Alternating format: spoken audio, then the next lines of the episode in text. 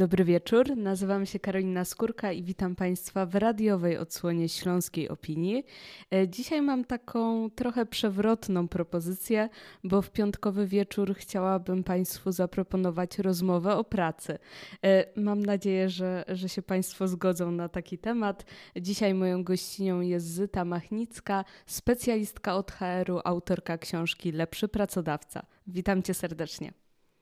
E, witam serdecznie, witam również Państwa. E, tak jak już wspomniałam, będziemy rozmawiać o pracy, ale o pracy w kontekście zarazy, e, czyli o tych zupełnie nowych warunkach, z którymi musimy się już od dobrych kilku miesięcy mierzyć. Powiedz nam proszę, jak to zmieniło pracę mm, w zespołach? To, czego doświadczyliśmy w ostatnich miesiącach, e, tę pracę zespołową zmieniło bardzo mocno. Myślę, że przede wszystkim to jest to, o czym słyszymy coraz częściej, czyli fakt, że wielu pracodawców musiało przejść na pracę zdalną i musiało nawet nie tyle zachęcić do tego swoich pracowników, co przede wszystkim e, zmobilizować ich po prostu do tego, żeby zrobili to razem z nimi. I e, z moich obserwacji na rynku wynika przede wszystkim to, że e, te konsekwencje związane z, z, z taką bardzo szybką zmianą, zmianą którą, której się absolutnie nikt nie spodziewał, że z tymi konsekwencjami będziemy się mierzyć jeszcze bardzo długo, bo e, praca w zupełnie nowych warunkach to oznacza dla wszystkich też trochę więcej niepokojów. Swoją drogą natrafiłam ostatnio na raport firmy Deloitte, czyli firmy konsultingowej, która zbadała to, w jaki sposób y, w ogóle dzisiaj na świecie wyglądają nastroje w różnych, w różnych społeczeństwach. No i okazuje się, że w tym rankingu niepokojów jesteśmy krajem, który jest na czele tej listy co moim zdaniem jest takim pierwszym sygnałem właśnie dość niepokojącym, związanym z tym, że jeżeli tak szybko musieliśmy zmienić warunki, w, w, których pracowaliśmy, plus dodatkowo boimy się dzisiaj coraz częściej mm, o to, co przyniesie przyszłość, zarówno w kontekście zawodowym, jak i w kontekście życiowym, także bardzo zdrowotnym. To są te wszystkie elementy, które mają bardzo duży wpływ na to, w jaki sposób ludzie reagują i w jaki sposób ludzie reagują w pracy. Oczywiście musimy wziąć pod uwagę to, że E, nie każdy e, zespół, nie każda osoba też dzisiaj pracuje w formie zdalnej czy w formie hybrydowej, bo jakby nie było też e, część pracodawców w ogóle z taką, z taką zmianą. Nie miało do czynienia, ale te konsekwencje dotyczące mm, nawet branż, z którymi muszą współpracować przedsiębiorstw, które znalazły się też bardzo często w sytuacji, w której, jak wiemy, albo trzeba było mm, dokonać redukcji redukcji zatrudnienia, albo trzeba było dokonać jakiejś solidnej zmiany strategii. Mhm, te wszystkie aspekty czuć teraz bardzo mocno, gdy rozmawia się z pracodawcami. E, bardzo wielu szefów, e, szefów przedsiębiorstw dzisiaj twierdzi, że faktycznie to, to co ma się zadziać w roku 2021, będzie nie tylko mocno zależne od tego, co się będzie działo na rynku e, pod kątem e, właśnie pandemii, ale będzie przede wszystkim konsekwencją e, tych wszystkich zmian, także związanych z mm, tarczą finansową, z, z, z tym, jak wielu pracodawców musi się trzymać różnego rodzaju i obostrzeń, ale też mm, tych regulaminów, od których e, zależy utrzymanie ich biznesów, więc myślę, że to, wszystko ma, e, że z tymi konsekwencjami mierzyć się będziemy jeszcze bardzo długo, ale to też nie jest tak, że, że ta zmiana musi być zła bo myślę, że też trzeba na to wszystko patrzeć z taką wiarą, że ten proces digitalizacji bardzo prędki, on będzie miał też swoje pozytywne skutki. Mhm. Do pozytywnych skutków na pewno jeszcze przejdziemy, bo nie chciałabym, żeby ta rozmowa była e, dla naszych słuchaczy jakoś bardzo dołująca, ale chciałabym Cię mm. jeszcze podpytać o te niepokoje, o których wspomniałaś. E, czy to jest tak, że pracodawcy e, też mocno czują ten niepokój i przenoszą, ich na, i przenoszą go na swoich pracowników? Czy raczej jest to kwestia po prostu złej komunikacji. No bo przecież y, nie wszystkie branże y, są tutaj tak samo mocno zagrożone w tej nowej sytuacji. Myślę, że w, w, musimy tutaj wziąć pod uwagę te wszystkie aspekty, które wspomniałaś i dodać do nich pewnie e, także i inne, związane między innymi z tym właśnie w jakiej sytuacji znaleźli się pracodawcy to, to, z czego wynika sytuacja, która jest teraz w wielu firmach, ona bardzo często wynika właśnie z tego, jak my osobiście radzimy sobie e, z pracą w czasie pandemii. Ja swoją drogą mam w ostatnim czasie całkiem sporo sesji warsztatowych, takich wiedzowych, zdalnych, bo od marca pracuję w pełni zdalnie, co dla mnie też jest e, takim nowum, bo jednak jestem osobą, która też dużo podróżowała po Polsce e, przy okazji różnych projektów właśnie konsultacyjnych i takich mocno wiedzowych e, z, z pracodawcami, ale e, to, to, to, co wraca przy okazji przeróżnych spotkań, to właśnie ta potrzeba zadbania o swój taki wewnętrzny, psychiczny dobrostan. To jest swoją drogą ciekawe, że wielu pracodawców na przestrzeni ostatnich miesięcy, e, zwłaszcza tych pracodawców, którzy mogli sobie pozwolić na przykład na przeniesienie e, kasy, którą wydawano benefity na przykład e, w obszarze, mm, w obszarze sportu, typu różnego rodzaju e, karty multisport i tak dalej, różnego e, rodzaju rozwiązania z tym związane. Mm, w momencie, w którym okazało się, że pracownicy niekoniecznie mogą korzystać z takich rozwiązań, zaczęły się pojawiać pytania, o co w takim razie można dziś zaoferować takiemu człowiekowi w organizacji, żeby mu dodatkowo było dobrze, albo żeby mu było w miarę dobrze, w, miarę sympatycznie w tych nowych warunkach. E, I to jest ciekawe, że e, faktycznie w wielu miejscach pojawiły się rozwiązania e, związane między innymi z na przykład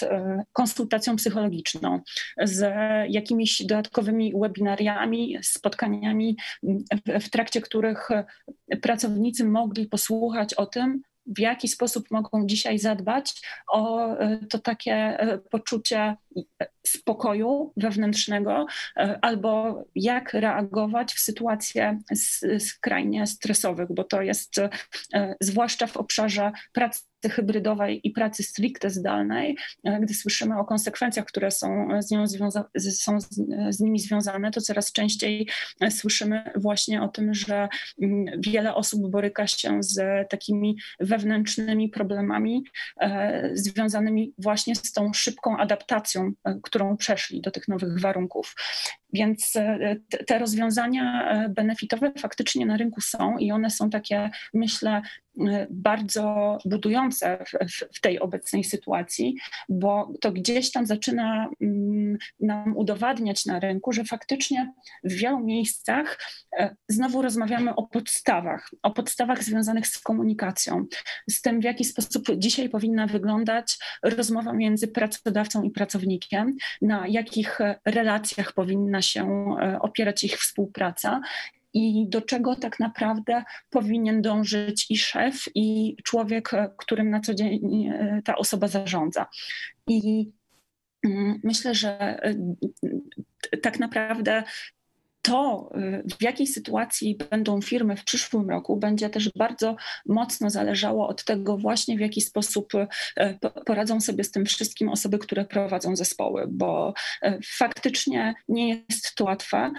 Im, im dalej byliśmy na przykład od korzystania takiego codziennego, chociażby z różnych narzędzi internetowych i im większą transformację przyszła organizacja przy okazji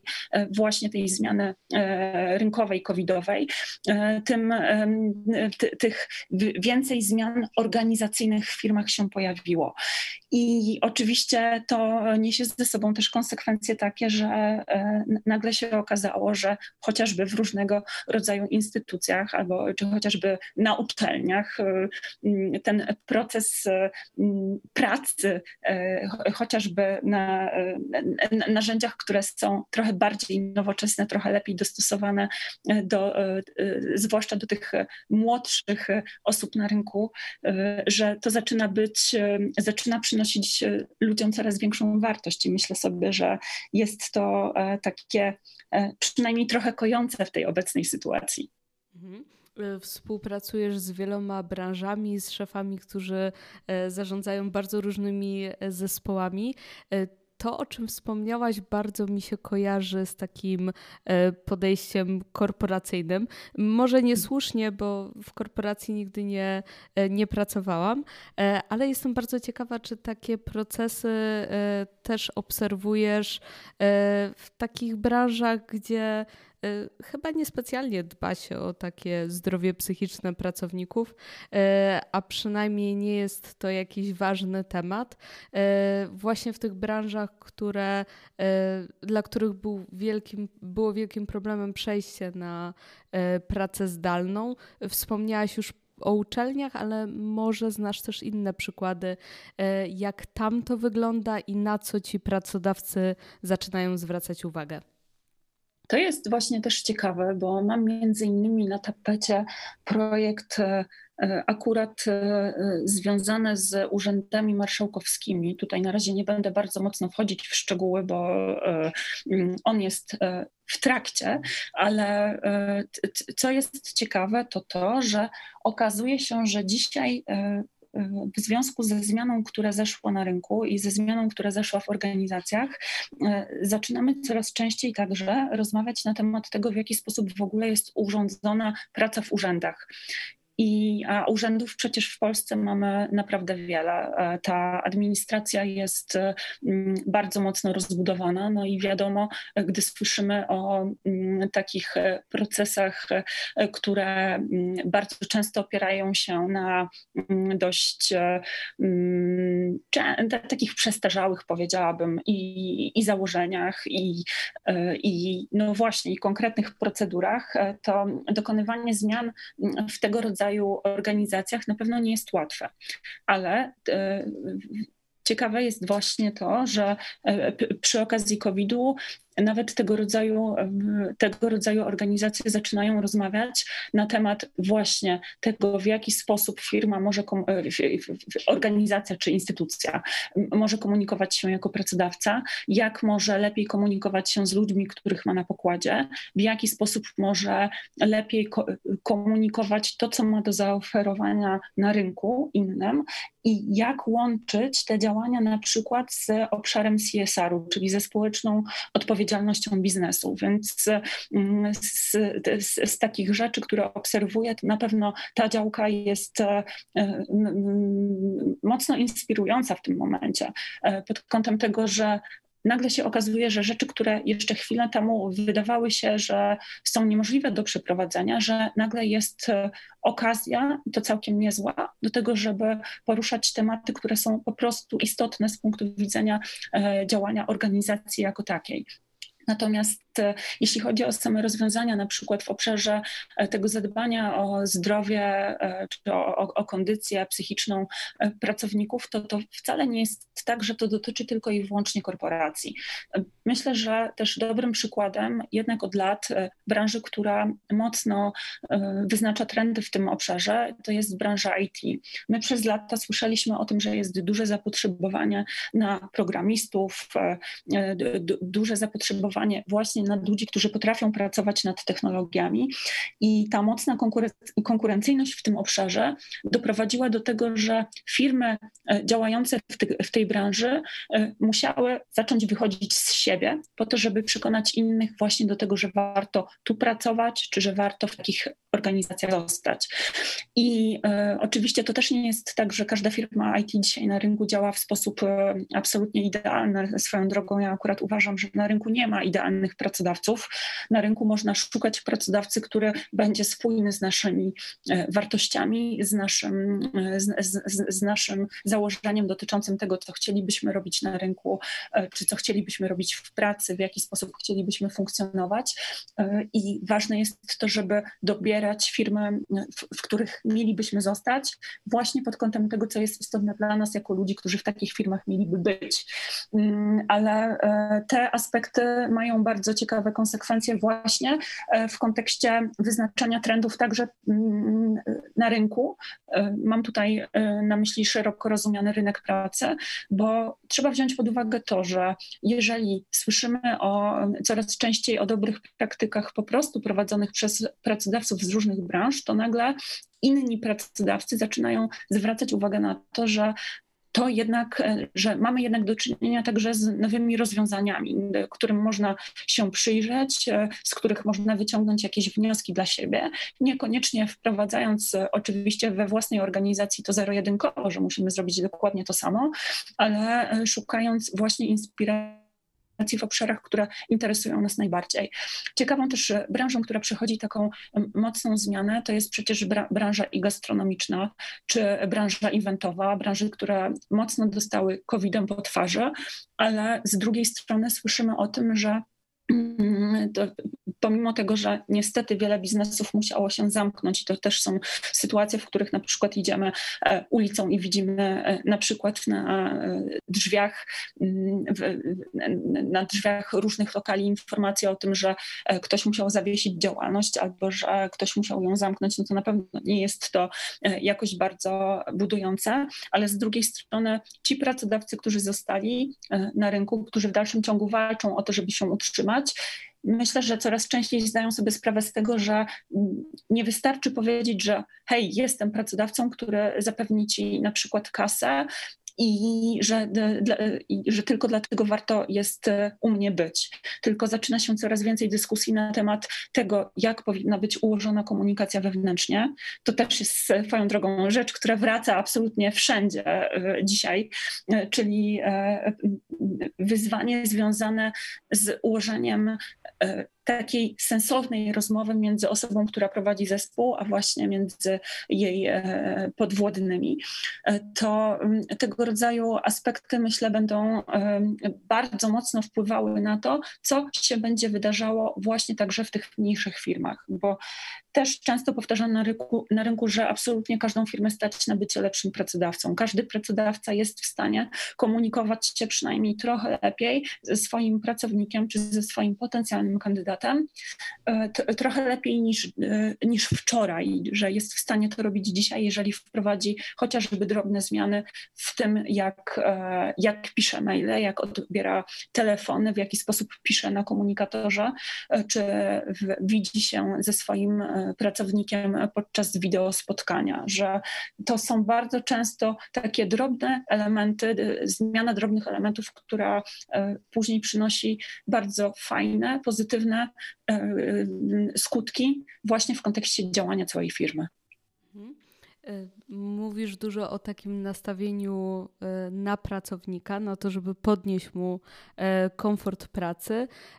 Na swoim blogu wspominasz o tym, że E, to patrzenie na pracownika widać coraz bardziej też w marketingu. E, jakbyś mogła rozwinąć, e, rozwinąć troszeczkę ten temat?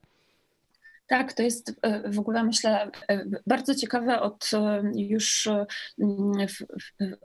w, ostatnich latach e, widać taką tendencję, że coraz częściej rozmawiamy na rynku o tym, że to, jakim jesteś pracodawcą, to ma wpływ nie tylko i wyłącznie na to, czy ludzie chcą dla ciebie pracować, czy chcą się e, wiązać z tobą na dłużej, ale ma to również wpływ na decyzje zakupowe twoich klientów. Mm, są różne badania na rynku, w zależności od tego, którym się przyjrzymy. E, zwykle pojawia, pojawiają się dane, że od dwóch do siedmiu na dziesięciu kandydatów, którzy przechodzą proces rekrutacji, deklaruje, że jeżeli zostają, zostali potraktowani w niewłaściwy sposób podczas tego procesu rekrutacyjnego, to będzie to miało wpływ na ich decyzje zakupowe, że niekoniecznie na przykład będą chcieli współpracować, współpracować czy kupować e, po prostu produkty i usługi od podmiotów, które e, nie potraktowały ich dobrze. I oczywiście wi wiadomym jest, że deklaracje deklaracjami, że możemy stwierdzić, że no ja nie będę kupować od tej firmy, a później usłyszymy na rynku, że jeżeli byłem zmuszony skorzystać z usług na przykład jakiegoś przedsiębiorstwa w danej branży, tam gdzie ta, ta, ta konkurencja jest niewielka, no to jeżeli musiałem zdecydować się na jakiś podmiot, no to po prostu musiałem. Ale takich sytuacji jednak na rynku jest coraz mniej, bo właśnie ze względu na, e, to, na, na, na tą konkurencyjność firm. E, to też jest ciekawe. Ostatnio natrafiłam na wyniki na, na, na, dane opublikowane przez Aleocom, zgodnie z którymi jeszcze w marcu 2020 roku na rynku było ponad 3,3 miliona mm, przedsiębiorstw, z czego e, mikroprzedsiębiorstwa to była e, liczba około 2,2 miliona. To oznacza, że naprawdę na rynku mamy ogromną liczbę podmiotów, które ze sobą na co dzień konkurują. I nawet jeśli mm, spora część e, zawiesiła działalność albo po, po prostu mm, się zamknęła w, w trakcie pandemii, to też słyszymy o tym na rynku, że powstają przecież nowe firmy, powstają nowi pracodawcy, którzy zaczynają działać w obszarach, w których nagle e, zobaczyli potencjał do rozwoju. Więc takie aspekty właśnie związane z tym, jakim się jest pracodawcą, będą e, uważam coraz częściej brane pod uwagę właśnie w kontekście tego, jak są zorganizowane strategie w firmach, bo często jest tak, że my w danym przedsiębiorstwie mamy strategię na przykład związaną z z naszym marketingiem i z naszą sprzedażą, a ta część dotycząca e, stricte employer brandingu, czyli tego, jakim firma jest pracodawcą z, z,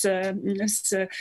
z komunikacją na ten temat, jest bardzo często gdzieś z boku. Natomiast e, moje doświadczenia na, na, rynku przekonują mnie ku temu, że mm, jeżeli łączymy ze sobą wiedzę związaną z marketingiem, ze sprzedażą i łączymy to z wiedzą e, e, z obszaru HR-owego, employer brandingowego, to nagle w wielu miejscach zaczyna się dziać prawdziwa magia, bo ludzie zaczynają mówić językiem tym samym, językiem biznesu o rzeczach, które są istotne zarówno dla pracowników, e, dla kandydatów, jak i dla klientów. I jednym z najlepszych przykładów dla mnie to są oferty pracy. Wiele mamy na rynku ofert pracy, w których pojawiają się na przykład e, hasła takie dość mocno wyświechtane, typu, e, e, że zapraszamy, zapraszamy do dynamicznie rozwijającej się firmy z miłą atmosferą i z ciekawymi benefitami nawet jeżeli mm, natrafiamy na przykład na ogłoszenie, w którym widać, że e, przedsiębiorstwo zaczyna rozumieć, że trzeba trochę szerzej opisać te warunki, które się oferuje mm, człowiekowi, który ma się związać z naszą firmą jako pracodawcą, że zaczyna się trochę więcej też pisać o tym, co dana organizacja na rynku robi, to i tak stosunkowo rzadko w tych ofertach pracy, e, w tych, w, w, w tych konkretnych argumentach dla kandydatów, stosunkowo rzadko mamy mamy e, wyciągane na wierzch elementy związane chociażby z siłą e, biznesową przedsiębiorstwa, z siłą produktów i usług, z siłą mm, obsługi klienta, z tym, w jaki sposób to na co dzień wygląda. Natomiast tego rodzaju argumenty są bardzo istotne dla osób, które zastanawiają się nad zmianą zawodową, a zgodnie z wynikami e, badania Pracuj.pl wychodzi na to, że 83% mm, osób dzisiaj na rynku deklaruje, że są otwarci na potencjalną zmianę zawodową, pomimo tego, że jest COVID. Co uważam oznacza, że, e, w, w, w, że nawet jeżeli będziemy wybierać dzisiaj przedsiębiorstwa takie, które zapewnią nam poczucie bezpieczeństwa, i to nie tylko finansowego, ale też taką stabilizację, bo słyszymy o tym, że e, na rynku, że lepiej, ok, dzisiaj związać się z przedsiębiorstwem, które e, ma wizję konkretną i konkretną strategię działania i z dnia na dzień z tego rynku nie zniknie. To e, właśnie takie elementy e, jak siła biznesu będą miały także wpływ na tę decyzję, bo chcemy być w miejscach i współpracować z miejscami, z których możemy być rzeczywiście dumni. A ta duma e, z bycia w danej firmie to jest też bardzo ważny element dzisiaj budujący poczucie przynależności w organizacji, czyli to, na czym zależy wielu pracodawcom. Jeżeli chcemy utrzymać kadrę, która ma pracować przy rzeczach, które będą rozwijać nasz biznes, jeżeli chcemy być innowacyjni na rynku, to musimy budować to przywiązanie do organizacji, a e, to budowanie przywiązania to nie tylko na przykład e, odpowiednie wynagrodzenie, odpowiednie benefity i dobrze ułożona komunikacja, ale także przypominanie ludziom, dlaczego e, w tej firmie warto być, biorąc właśnie pod uwagę tę siłę biznesu, który na co dzień robimy. Mhm. Możesz podać jakieś przykłady? Właśnie takiej zmiany, że marketing się obudził i zauważył, że warto jest się pokazywać jako dobry przedsiębiorca. E, takie zmiany, które właśnie e, w czasach pandemii zaobserwowałaś, może jakaś, e, jakaś kampania danej firmy, która to w fajny sposób pokazała? E, akurat w trakcie pandemii tak, myślę, że e, bardzo mocno było to widać chociażby przy okazji e, komunikacji różnych sieci handlowych. Takie miejsca, tutaj posłużę się dużymi brandami, bo je byliśmy w stanie mocno zauważyć na tym rynku e, pod kątem właśnie tego, co robiły, co robiły w obszarze employer brandingowym. E, to chociażby takie marki jak Żabka, takie marki jak Lidl, takie marki jak IKEA, czyli firmy, które wyciągały na wierzch zarówno e,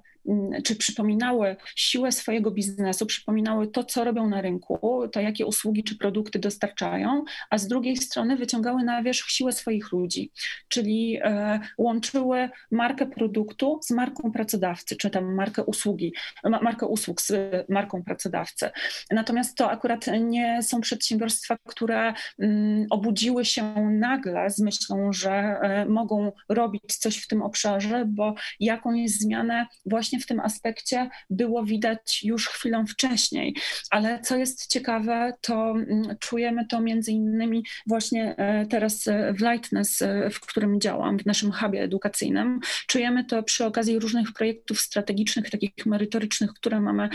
z naszymi klientami, że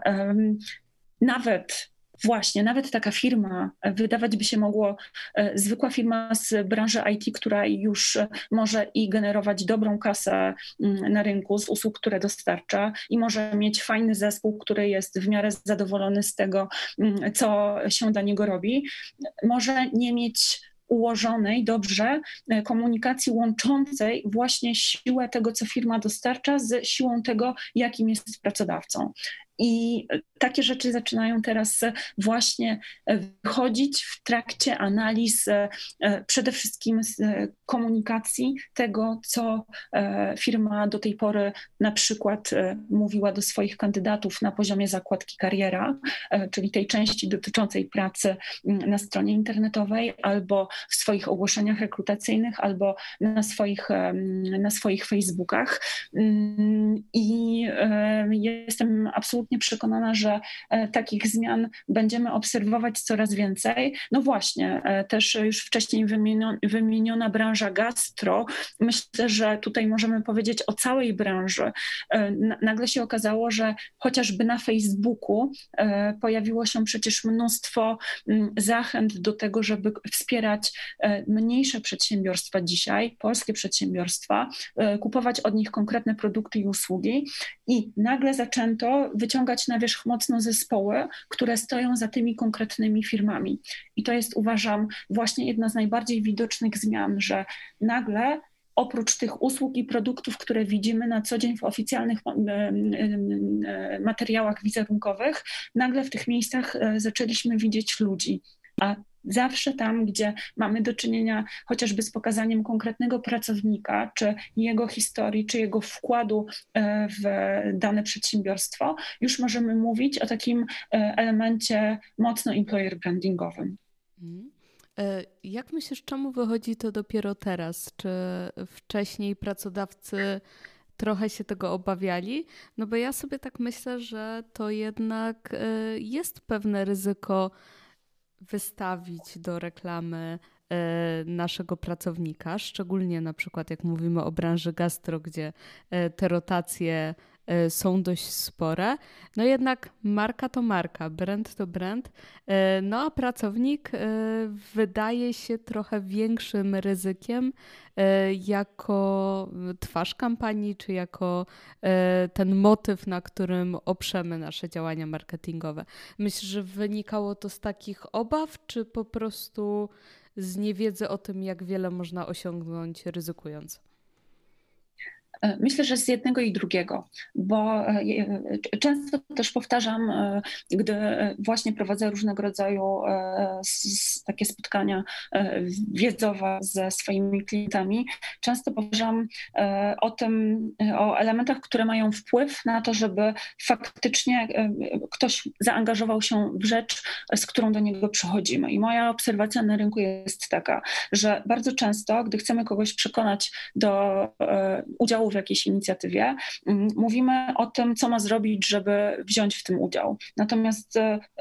Często zapominamy o tym, że bardzo ważne jest pokazanie po pierwsze temu konkretnemu człowiekowi, mm, znaczy wytłumaczenie najpierw, e, o czym tak naprawdę mówimy, nie? do czego chcemy go konkretnie zachęcić. Po drugie, pokazanie mu wartości w tym, w czym ma wziąć udział, ale wartości dla niego, wartości także dla działu, w którym pracuje, a dopiero na końcu wartości dla organizacji. Jedyną sytuacją, w której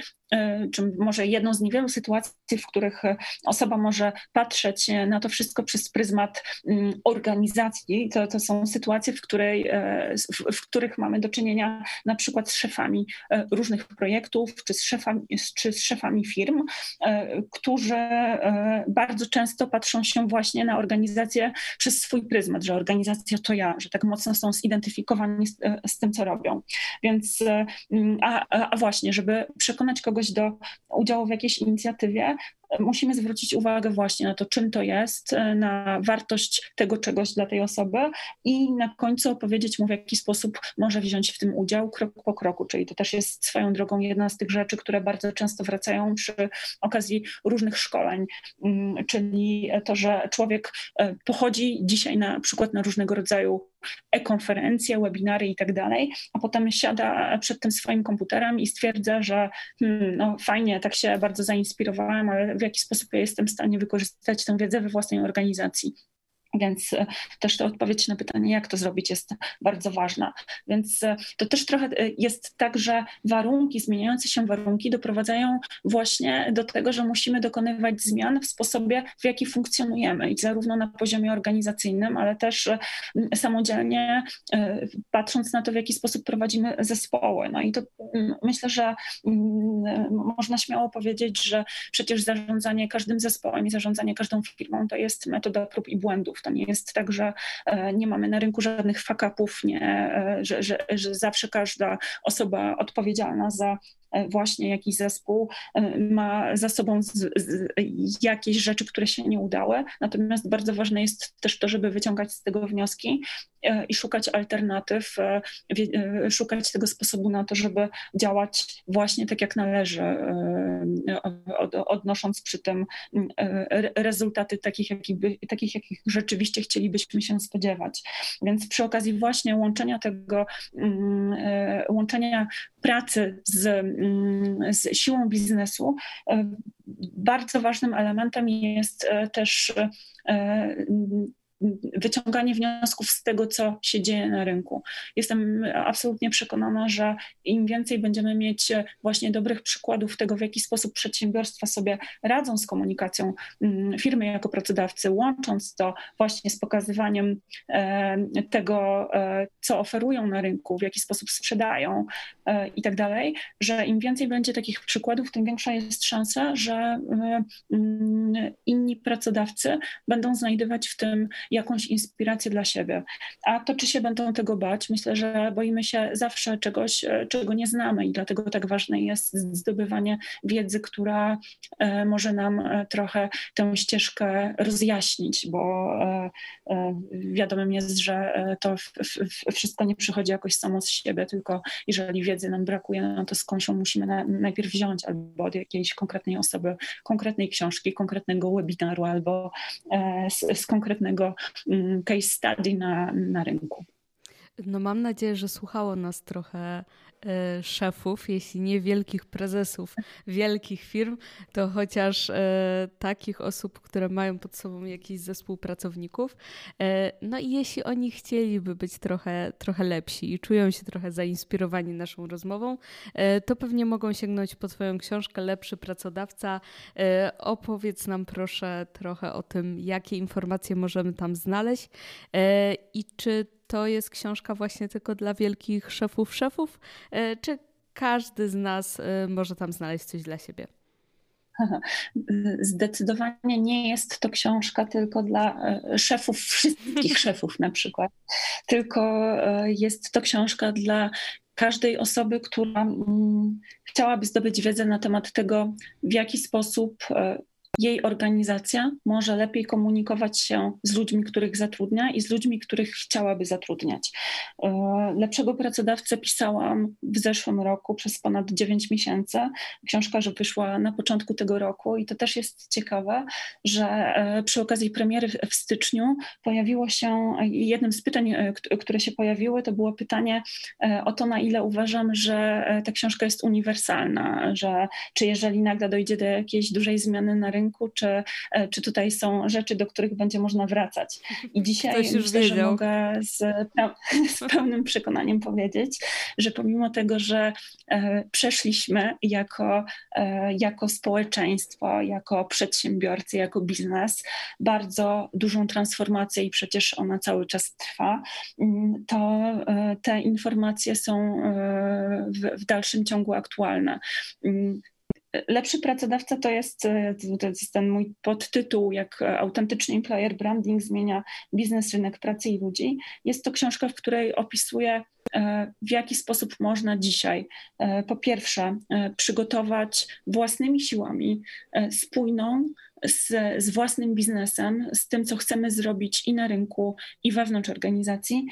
e, strategię employer brandingową, w jaki sposób możemy to łączyć właśnie z marką naszych produktów i usług, w jaki sposób możemy angażować ludzi w inicjatywy, w e, których, e, na których nam naprawdę zależy, jak możemy usprawniać nasze działania i rekrutacyjne, i działania w obszarze na przykład komunikacji wewnętrznej, więc jest tam sporo wiedzy e, z, właśnie z tych obszarów i też sporo wiedzy, e, znaczy sporo przykładów zarówno z polskiego, jak i zagranicznego rynku, bo przyjrzałam się temu, mm, co się działo na rynku pracy właśnie e, w, tak w perspektywie tych ostatnich lat i wyciągnęłam z tego mm, wnioski, znaczy zwracając uwagę na rzeczy, które moim zdaniem miały dla naszego rynku i dla szczególnie dla branży employer brandingowej w Polsce największe większe znaczenie. I więc jest to też takie moje własne spojrzenie na to wszystko, też z moją własną historią, z moimi własnymi projektami. E, I, no i tyle. Dużo tam tego jest. Myślę, że jeśli, jeśli Państwo jesteście zainteresowani e, tą książką, jesteście w stanie zdobyć więcej informacji na stronie lepszypracodawca.pl. Swoją drogą tam jest też do ściągnięcia pierwszy rozdział, który jest rozdziałem za darmo, który można sobie pobrać, zobaczyć w jaki sposób piszę e, i już na pewno wejść w te pierwsze przykłady tego, jak można łączyć biznes z pracą, zarówno w małej firmie, w średniej, jak i w tej największej. No to wiedzą już Państwo, jak pozytywnie zacząć poniedziałek. Można sobie ściągnąć rozdział, zacząć od lektury. E, bardzo Ci dziękuję za tą rozmowę. Moją gościnią była dzisiaj Zyta Machnicka. Bardzo dziękuję. E, dziękuję za fajne pytania, a Państwu e, bardzo serdecznie dziękuję za uwagę. E, my na takie bieżące tematy w Śląskiej Opinii rozmawiamy od poniedziałku do piątku o godzinie 20, e, więc takie rozmowy serdecznie polecamy do odsłuchania na żywo, ale jeśli akurat o godzinie 20 nie mają Państwo czasu, to wszystkie te wywiady dostępne są także w formie podcastów. Wystarczy odpalić swoją ulubioną aplikację do słuchania podcastów, wpisać Śląska Opinia i tam na pewno wyskoczy Państwu nasze czerwone logo i wtedy już w dowolnym dowolnej chwili, kiedy Państwu wygodnie można sobie takiej rozmowy posłuchać. E, ja bardzo dziękuję za uwagę, no i słyszymy się w przyszłym tygodniu.